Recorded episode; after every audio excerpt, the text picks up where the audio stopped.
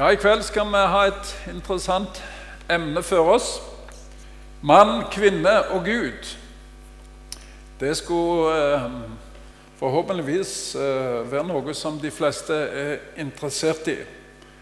Og eh, jeg skal lese ifra noe av det mest kontroversielle som er skrevet. Og det står i første Mosebok, kapittel 1. Nå vet dere det at um, Dette at det var en Gud som skapte verden. At uh, mennesket ikke er et resultat av en eksplosjon av kjemikalier i ei ursuppe for mange milliarder år siden. Dette at vi tror at det står en Gud bak, det er ganske kontroversielt nå for tida.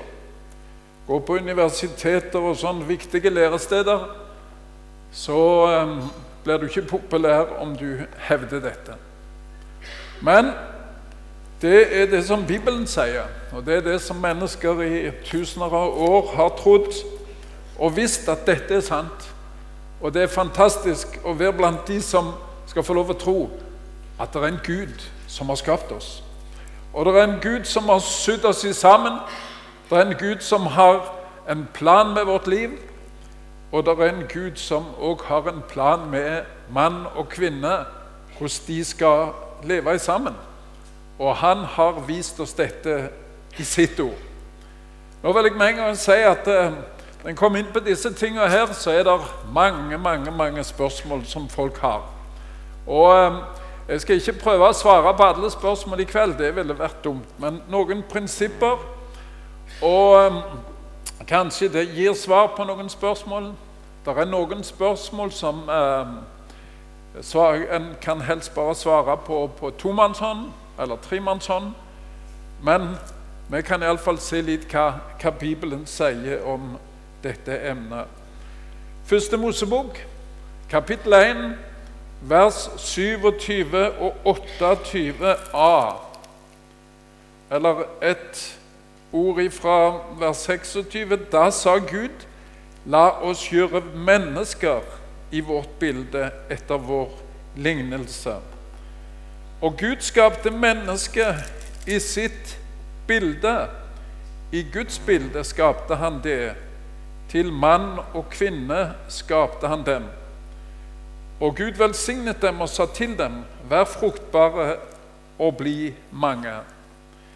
Og fra kapittel 2 i første Mosebok, fra vers 18 Da så sa Gud Herren, det er ikke godt for mennesket å være alene.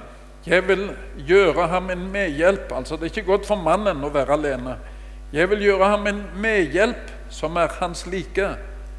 Gud Herren hadde formet av jord alle markens dyr og alle himmelens fugler, og han førte dem til mennesket for å se hva han ville kalle dem. Det navnet mennesket ga hvert levende skapning, det skulle den ha. Så ga mennesket navn til alt fe, til himmelens fugler og de ville dyr. Men for seg selv fant mennesket ingen medhjelp som var hans like. Da lot Herren en dyp søvn komme over mennesket, og mens han sov, tok han et av hans ribben og fulgte igjen med kjøtt. Og Gud Herren bygde av det ribben han hadde tatt av mannen, en kvinne og førte henne til mannen. Da sa mannen, 'Denne gang er det ben av mine ben og kjøtt av mitt kjøtt.' 'Hun skal kalles manninne, for av mannen er hun tatt.' Derfor skal mannen forlate sin far og sin mor og bli hos sin hustru, og de skal være ett kjøtt. De var nakne, både Adam og hans hustru, men skammet seg ikke. Sånn var det altså Gud begynte mennesket. Det ypperste av Guds skaperverk. Og så var det ikke bare Gud Fader, men det var Gud Fader, Sønn og Den hellige ånd som sa 'La oss gjøre mennesket i vårt bilde'. Og det var det eneste i skaperverket som Gud sa det om han skapte det. Han skal de skal bli skapt i vårt bilde. Og I kapittel 2 i vers 7, det kommer ikke opp, men der står det Gud Herren, Herren formet mennesket av jordens støv og blåste livets ånde i hans nese, og mennesket ble til en levende sjel. Der har du den store forskjellen mellom mennesket og alt det andre som Gud har skapt.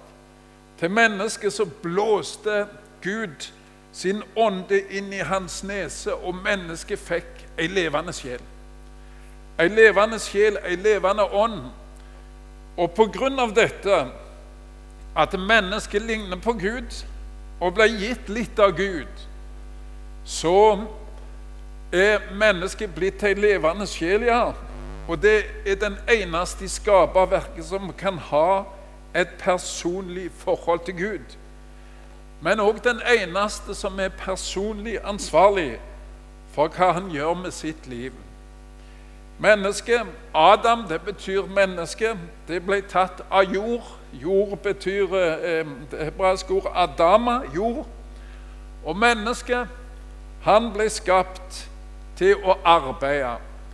Tro ikke det at det å arbeide det kom etter syndefallet. Nei, det var før syndefallet. Mennesket er skapt til arbeid. Så du som tror det at, at Eller ikke liker å arbeide, det er altså feil hvis du tror at det var sånn Gud hadde tenkt det. For Gud hadde tenkt at du skulle arbeide, ikke bare lade deg. Og så ga Gud mennesket en oppgave. Han skulle gi navn til alle dyra. Og så er det akkurat som Gud gir eh, mannen ei tid. Og mens han gir navn til dyret, så ser han det at sjiraffen Der er både han og hun og krokodillen osv. Hvor er den som passer til meg, sier mannen. Hvor er den som passer til meg? Han søkte for å finne om han kunne finne i skaperverket ei som passet til han, men han fant det ikke. Og da ehm, Og da ehm, var det at Gud sa Gud sa at han skulle fikse det. Så tok han et ribbein, og så fylte han det med kjøtt mens mannen lå og sov, sa det, står der. Og i, eh, så skapte han denne kvinnen. Og når mannen så kvinnen Det er altså det første tale som er gjengitt i Bibelen. Det første som blir sagt i Bibelen, det er det som blir sagt når mannen ser kvinnen. Og det står litt eh, vanskelig her. Det står at han sa denne gang er det ben av mine ben og kjøtt av mitt kjøtt. Hun skal kalles manninne. Hvis vi skulle oversatt det til dagens språk, så kunne vi sagt det mye kortere. Adam sa, 'Wow!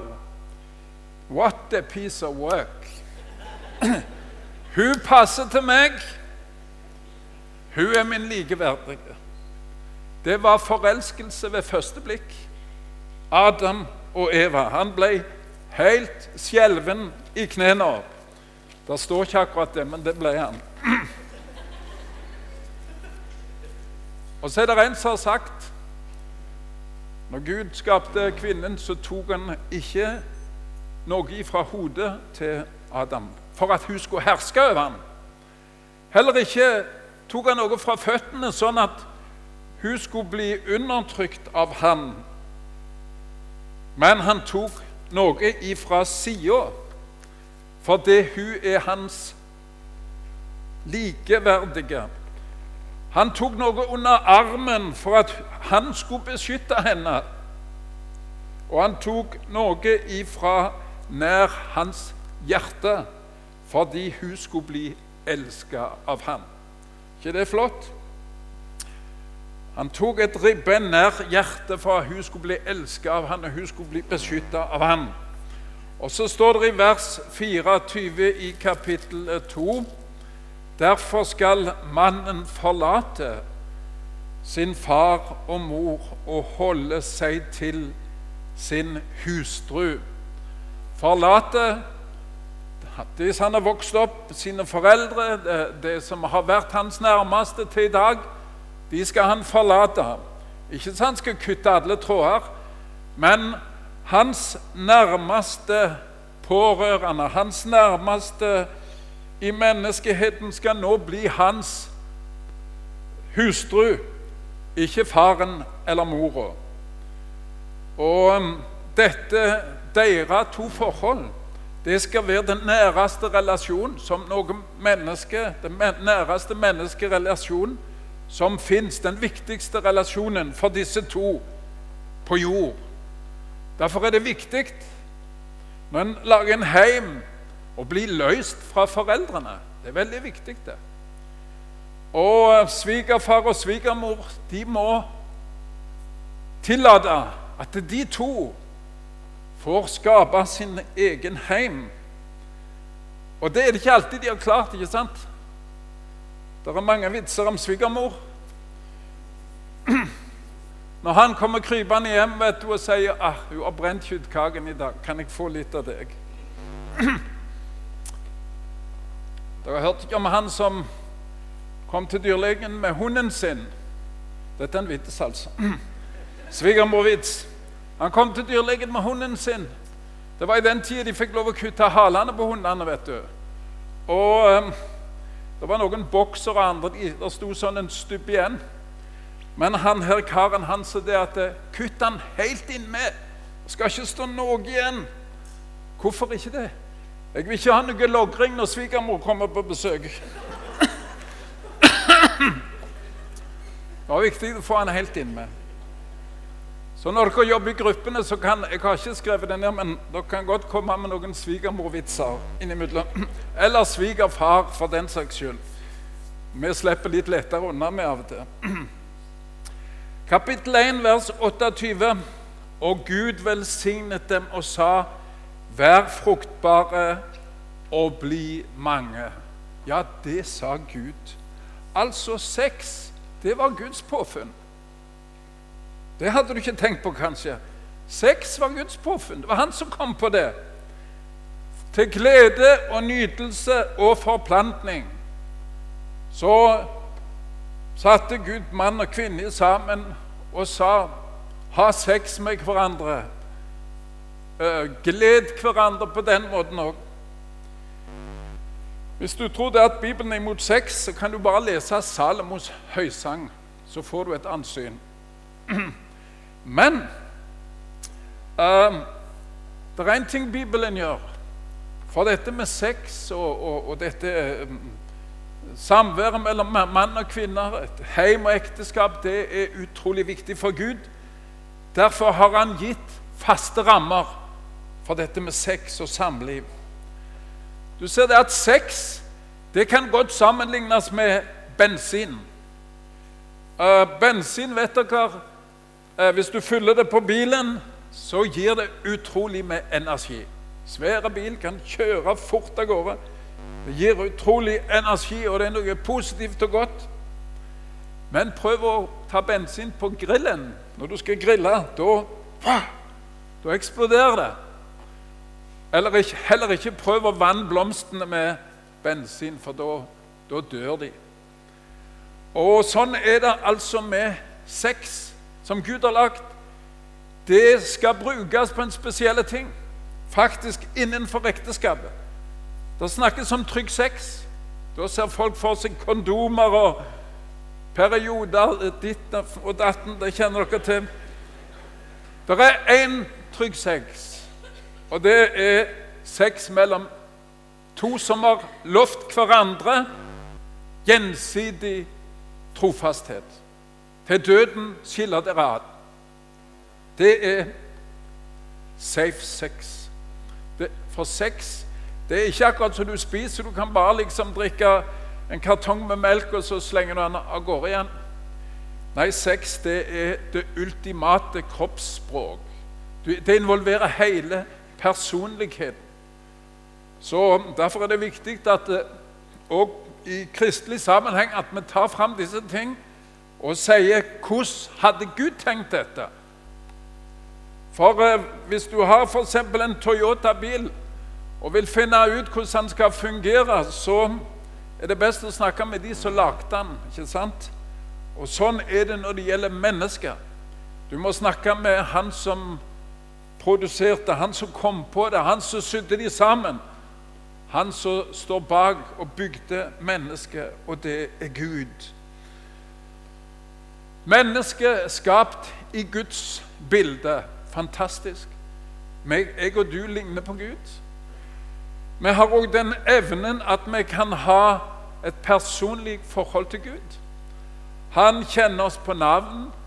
Vi kan be til han, og han elsker oss. Det Av og til føler vi det, av og til føler vi det ikke. Men når vi ikke føler det, så kan vi tro det, for han sier det i sitt ord. Og så kommer dette gudsbildet til sin fulle rett i heimen.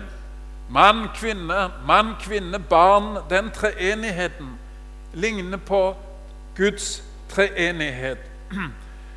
Og um, det er ikke noe samfunn på jord som ligner mer på det som er i himmelen, enn en trygg heim.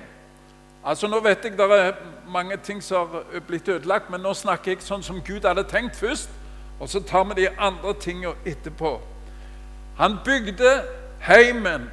Svigermor og svigerfar, hold dere vekke. Her er de to som skal være. Her skal det vokse opp barn. Og Så bygde han denne trygge muren rundt barn for at de skulle få beskyttelse og harmoni. Et fantastisk opplegg fra Guds side. Og heimen, som jeg sa, er det på jord som ligner mest på himmelen. Og i Efeserbrevet, hvis, dere kommer til å se på det etterpå, kapittel 5, så ser dere òg at Paulus skriver om Kristus og menigheten. Det er heimen, forholdet mellom mann og kvinne, ligner på Kristus og menigheten. Gud i sentrum og Guds ord, som er den retningsgivende. Derfor skulle jeg ønske at du kunne se det at det er sex uten forpliktelse, det blir feil. Mann og kvinne de har forplikta seg til hverandre. De har lovt hverandre troskap. Og Gud har satt denne muren rundt ekteskapet, rundt sex. Og så blir da alle andre seksuelle forbindelser Det blir liksom Du skal ta ut ekteskapets nydelse, nytelse, løsrive ifra sin sammenheng, uten forpliktelse. Det blir feil. Og det var ikke det Gud hadde tenkt. For Han hadde tenkt at de to skulle være ett kjøtt, og de skulle love hverandre troskap. Og her skulle eh, barn vokse opp, og så skulle det være gjensidig forpliktelse. Og all sex uten denne gjensidige forpliktelse, det blir feil. Og Bibelen sier det er synd. Det er synd imot Gud. Når det gjelder ekteskapsinngåelse, så har sikkert mange av dere vært i bryllup, og noen av dere er gifte òg. Det er ikke sånn at presten spør du, Ola, vil du være forelska i Maria til døden skiller dere ad? Det er heldigvis ikke det han spør om. For den der forelskelsen, vet dere, den kan, den kan skifte litt. Bare spør meg. Jeg har vært gift i 35 år snart. 33. Så den der forelskelsen, den skifter. Men det presten spør om, det er Vil du, Ola, vil du ha Maria til din ektemake? Vil du elske og ære henne i onde og gode dager til døden skiller dere ad? Vil du? Jeg liker veldig godt det engelske seremonien, for der må de svare I will. Jeg vil dette. Det går på viljen til og med når en ikke ser ut sånn som en gjorde på bryllupskvelden. ikke sant? Eh, kona ser ikke alltid sånn ut som hun gjorde på bryllupskvelden. Heller ikke mannen. Av og til kommer hun i morgenkåpe med tjafset hår. Du skal ikke slutte å elske henne for det. Og mannen òg. Av og til er han så barnslig og lengter hjem til mor si og kjøttkakene. Skal du elske han for det? og respektere han osv. For forelskelsen den. Det er veldig viktig, forelskelse, men det kan blusse opp litt ofte det altså, men det er viljen. Vil du? Vil du dette? Og den viljen, det er en fantastisk Dette er noe som jeg vil. Så det er en livslang forpliktelse etter Guds syn, etter Guds uh, opplegg. Det var en uh, stor gallup i et vestlig land som ligner på vårt. Og der ble innbyggerne spurt hva ønsker du deg mest. Mye ungdom også svarte. Ønsker du deg mest penger eller berømthet eller ære eller hva ønsker du deg mest? Og de aller fleste svarte jeg ønsker meg en god og trygg heim, en stabil familie og et godt ekteskap. Det var det de fleste ønsket seg. Og det var det Gud skapte oss til. For å beskytte denne institusjonene og dette forhold som Gud har satt oss inn i, så har Gud gitt oss allerede ifra første, andre Mosebok leser vi at Gud ga to bud som beskyttelse for ekteskap og samliv mellom mann og kvinne. Det ene budet sier sånn på norsk nå du skal ikke bryte ekteskap. Men før så sa det du skal ikke drive hor. De har forandra på det. Og på engelsk sier de 'thou shalt not commit adultery'. Det andre budet det er du skal hedre din far og din mor osv. Så, skal det gå deg vel, og du skal leve lenge i landet. Det er bud som er gitt til barn. Du skal hedre din far og mor. Tenk av ti bud så handler to om heimen. Ett direkte om forholdet mellom mann og kvinne, og ett i forholdet mellom foreldre og barn. Og um, hvis en tenker på et samfunn som kan tenke på Norge, hvordan dette samfunnet er bygd opp, så um, vet dere det at vi har uh, landet Norge som er delt inn i landsdeler. Vestlandet, Østlandet, Nord-Norge osv. Landsdeler er bygd opp av fylker Rogaland, Vest-Agder osv. Hordaland. Fylkene er delt opp i kommuner. Hå, Rennesøy, Finnøy, Stavanger osv. Så, så kommer vi ned til grender. Tasta, Madla, Bergeland, Salem osv. Og, og så kommer en til det minste samfunn, og det er familien. Familien er den minste byggestein i et samfunn. Og um, hvis du ser på en mur som er bygd opp av murstein Og hvis du spør um, da hva slags stein er den viktigste Ok, du kunne begynt å snakke om hjørnesteiner og sånn, men alle steinene er like viktige. Og hvis steinene begynner å forvitre, så vil huset etter hvert ramle ifra en annen. Heldigvis ser vi ikke det ofte her på våre kanter. Men sånn er det med et samfunn. Det er bygd opp av steiner, av familier.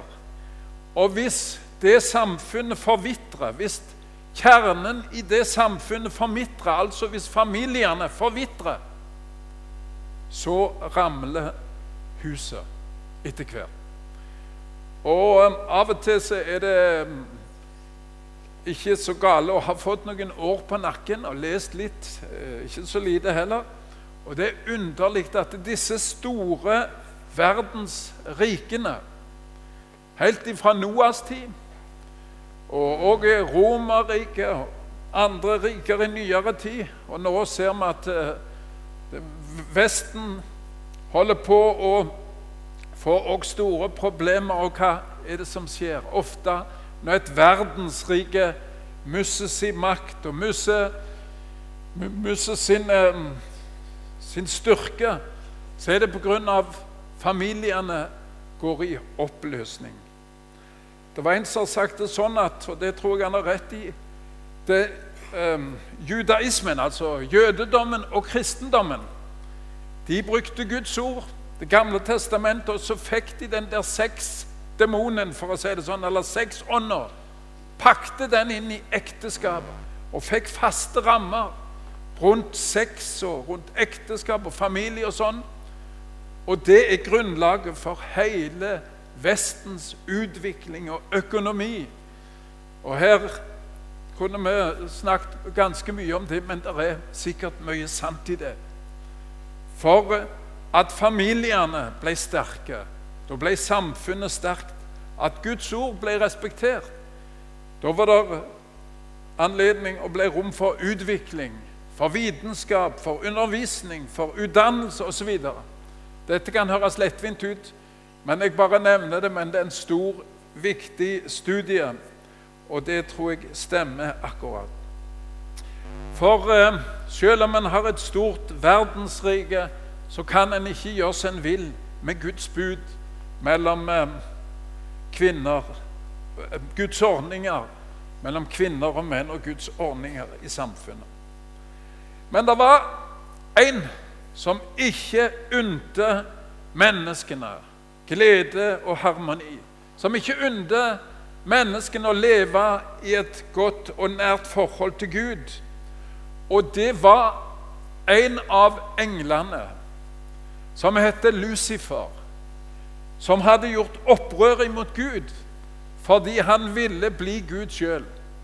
Og i kapittel 3 i første Mosebok så kom han inn i hagen, og han kommer til Eva, til kvinnen, og så sier han sånn Har Gud virkelig sagt?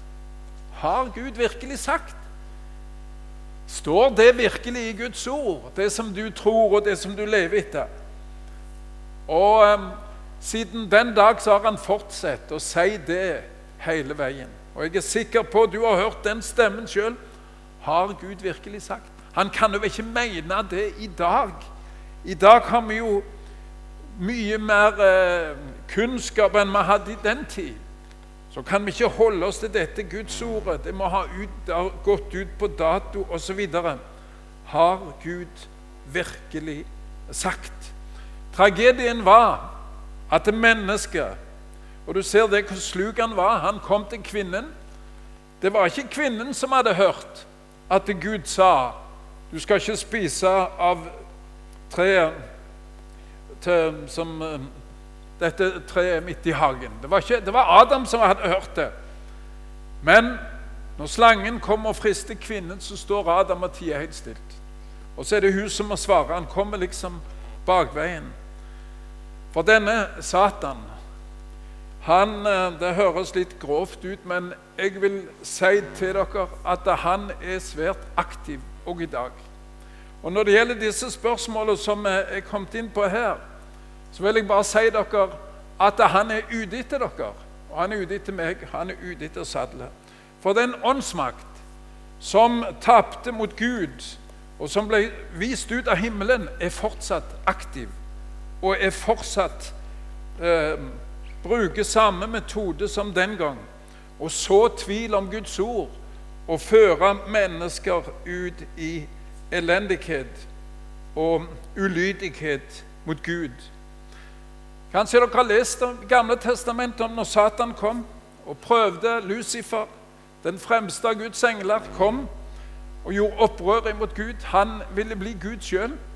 Han fikk med seg en tredjepart av himmelens engler og gjorde opprør imot Gud. Han ville liksom styrte Gud fra trona men Gud kastet han ut av, av himmelen. Han kom igjen når Jesus kom til jord. Han kom, og så fristet han Jesus, Jesus som var Gud. Og så ville han at Jesus skulle um, tilbe seg. Han ville at Gud skulle tilbe seg. Men Jesus viste han tilbake med å si så står skrevet i Guds ord. Og når Satan ikke lykkes å sprenge tre, Guds treenighet, så har han siden angrepet det som ble skapt i Guds bilde. Familien, forholdet mellom mann og kvinne. Og allerede i kapittel de første kapitlene i eh, Moseboka så ser vi det at når mennesket falt i synd, så ble forholdet mellom menn og kvinner skada. For eh, når kvinnen ble skapt, så sa Gud, 'Jeg skal gjøre ham', altså Adam, 'jeg skal gi ham en medhjelp som er hans like'. Likeverdig. Men etter syndefallet så står det til din mann skal din attrå stå, og han skal råde over deg. Det ble en ubalanse. Det kom inn noe mellom menn og kvinner i syndefallet som av og til er vanskelig til og med i dag, forholdet mellom menn og kvinner. Forholdet ble skada. Og Satan han har siden prøvd å um, angripe det som uh, ble skapt i Guds bilde. For når han ikke klarte å um, ødelegge treenighet, Guds treenighet, så um, angrep han det som var skapt i, i Guds bilde. Nå skal jeg lese et bibelvers fra Efeserbrevet. Og så skal dere få se en, et bilde, eller et par bilder på, på på skjermen. Kanskje vi kan få det første der som jeg nevnte. Jeg vet ikke om noen har sett, uh, har hørt hva, eller vet hva dette er for noe. Det er en bombekaster. Uh, de kaller det for Stalin-orgel. Det ifra, det var vel kanskje russerne som begynte med det senere. Og Nå skal du få se hvordan det er i aksjon. Her skyter de med bombekaster. Og Når jeg leser dette ordet i Bibelen, som jeg skal lese nå, så ser jeg for meg Satan bruker ikke lenger pil og bue, men han bruker bombekaster. Og så sier Guds ord i um, Efeserne 6 fra vers um, 11 Ta på dere Guds fulle rustning, så dere kan holde stand mot djevelens listige angrep. For vi har ikke kamp mot kjøtt og blod, men mot maktene, mot myndighetene, mot verdens herskere i dette mørket, mot ondskapens ånde her i himmelrommet. Ta derfor Guds fulle rustning på, så dere kan gjøre motstand på den onde dag og bli stående etter å ha overvunnet alt. Jeg skal si dere, Satan han har et sånt et Stalin-orgel. Åndelig Stalin-orgel. Og du kommer til å oppleve djevelens angrep på dette området som vi har snakket om nå. Det står noe her om å holde stand mot djevelens listige angrep. Holde stand på den onde dag. På den onde dag. Noen av dere kommer til å oppleve djevelens fristelse til å ha sex før ekteskap. Det kommer kanskje til å bli din onde dag. Så spørs det klarer du å stå imot, eller klarer du å ikke stå imot. Ta på Guds fulle rustning. Det er en rustning altså en kan bruke når en blir frista på denne måten. Um, mange her, som jeg har gjort, blir frista til å gå overskride noen hellige grenser mellom menn og kvinner. For det er Satans, det han ynder mest og liker mest. Å friste menneskene på disse områdene, for da vet han det at han får stor makt. For synd på disse områdene har ganske store, ganske store konsekvenser. Og så um, vet vi det. Jeg skal bare ta ett eksempel her. Hvis en tar dette med samboerskap, f.eks. Det å ha å leve sammen uten forpliktelse, for det er jo det det er. Det er uten forpliktelse. Det er derfor det er ikke ekteskap, forpliktelse, anerkjent av samfunnet, men det er en privat avtale. Så det er ikke forpliktelse. Og så kan en lett si sånn Ja, men alle gjør det. Til og med mange kristne gjør jo det i dag. Det er jo blitt vanlig òg i dag. Hvorfor? Det der synet som eh, vår foreldregenerasjon hadde, det er utgått på dato. Men jeg vil advare dere, for Guds ord sier nei. Det er sex uten forpliktelse. Det er samliv uten forpliktelse. Og Det kaller Gud synd. Og det kaller Bibelen synd. Og um, hvis du skal kunne ha hodet klart når du blir kanskje pressa av den du syns mest om, det kan ikke gå inn i sånne forhold, så må du ta Guds fulle rustning på. Du må leve nær Jesus, for da er det den beste plassen, så en kan få motargumenter og forstå at dette er ingen liten sak. Det er ingen liten sak. Og den som står bak dette, har Gud virkelig sagt. Det er han som fikk Adam og Eva til å falle i hagen. Så jeg vil si dere, jeg vil prøve å si det i kjærlighet. La dere ikke lure. La dere ikke lure. Og skulle du ha trodd feil, skulle du allerede ha falt, så har jeg noen gode ord til deg på slutten av denne undervisningen. Og så er det unge mennesker i dag som opplever at den som hadde lovt troskap, blir troløs. Utroskap. Og det kan være et voldsomt angrep på troen. Hvordan kan det være en kjærlig Gud når jeg opplever noe sånn? Du blir svikta av den som hadde lovt deg troskap. Og så er det noen som har opplevd både misbruk og andre ting. Noen blir forlatt i et tidlig, tidlig i et ekteskap som ganske unge. Og så føler de kanskje det at de gir meg skylda. Og mine venner snur meg ryggen og gir meg skylda og anklager meg. Djevelens listige angrep og kraftige piler. Noen av disse spørsmålene vet dere vi ikke kan svare detaljert på i en sånn tale. Men det som jeg har sagt, det som jeg vil si, det er gå ikke bort ifra Jesus uansett hva som skjer deg. Og om du har venner eller noen av dine nærmeste i bibelgrupper som opplever sånne kriser, snu ikke ryggen til dem. Snu ikke ryggen til dem. For de trenger ikke pekefinger og kritikk, men de trenger omsorg og kjærlighet og forbønn. Jeg skal komme litt tilbake til det litt lenger nede her. Og så Kanskje det er noen her som grudde seg til å komme her i dag, for du vet det at du allerede har falt. Du har allerede brødet Guds ord i disse tingene her. Du har allerede, for å si det sånn, du vil helst ikke bruke det ordet, men du har allerede synda. Da har jeg en hilsen til deg ifra Jesus. Og den er fra Johannes evangeliet, kapittel 6 og vers 37. Johannes evangeliet kapittel 6, vers 37. Og den siste delen der alle de som Faderen gir meg, kommer til meg. Og den som kommer til meg, vil jeg ingenlunde støte ut. Den som kommer til meg, vil jeg ingenlunde støte ut. Matteus 11, 28 sier Jesus, 'Kom til meg, alle som strever og har tungt å bære. Hos meg skal du få finne hvile.' Du vet, Det var en mann som hadde to sønner.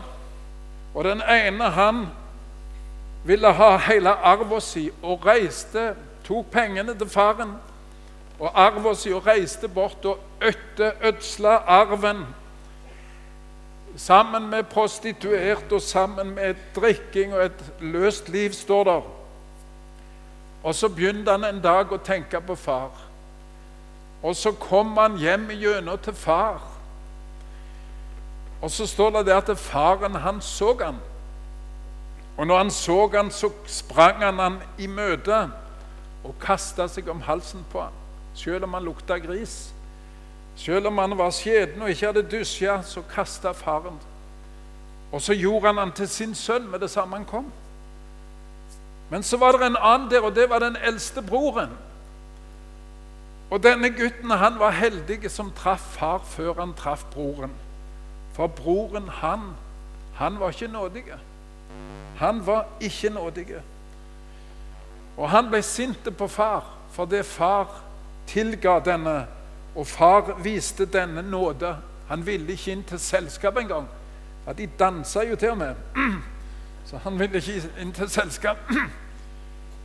Så far måtte gå ut og innby han å komme inn. Hvordan det gikk, det vet vi aldri.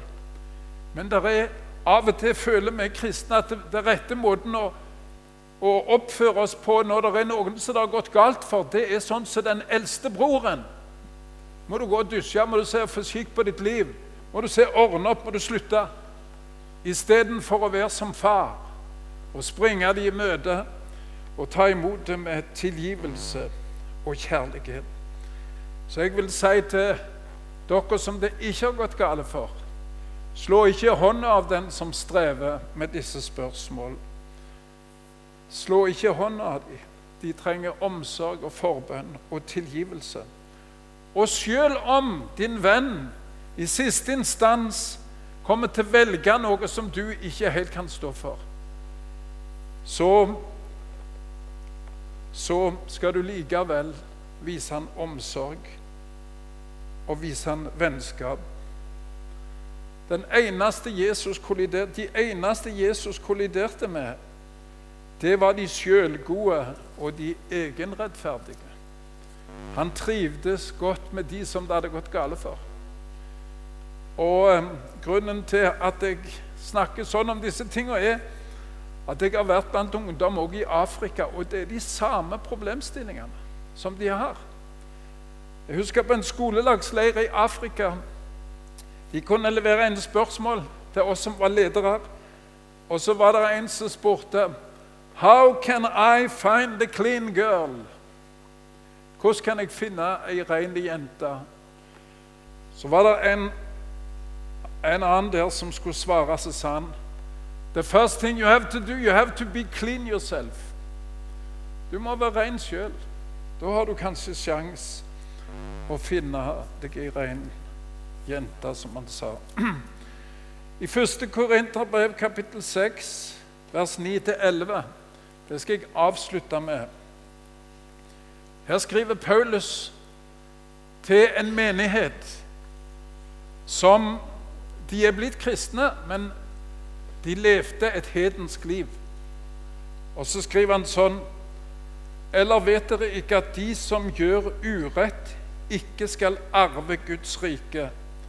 Far ikke vil, verken horkarer eller avgudsdyrkere eller ekteskapsbrytere eller de som lar seg bruke til unaturlig utukt, eller menn som øver utukt med menn, eller tyver eller pengegriske, eller drankere eller baktalere eller røvere, skal arve Guds rike.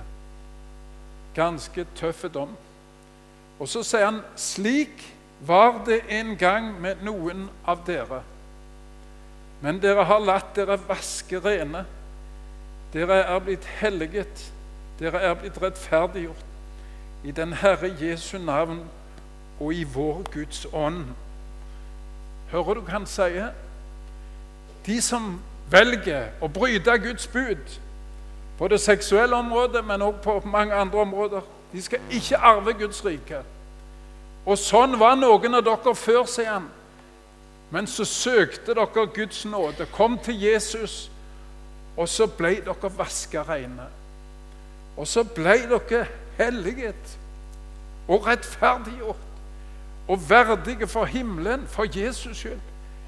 Tenk til og med folk som hadde levd i sånne grove synder, utykt med menn som har utykt med menn, og ekteskapsbrytere og all slags herråder så kom de til Jesus, og så ble de vaska reine og rettferdiggjort.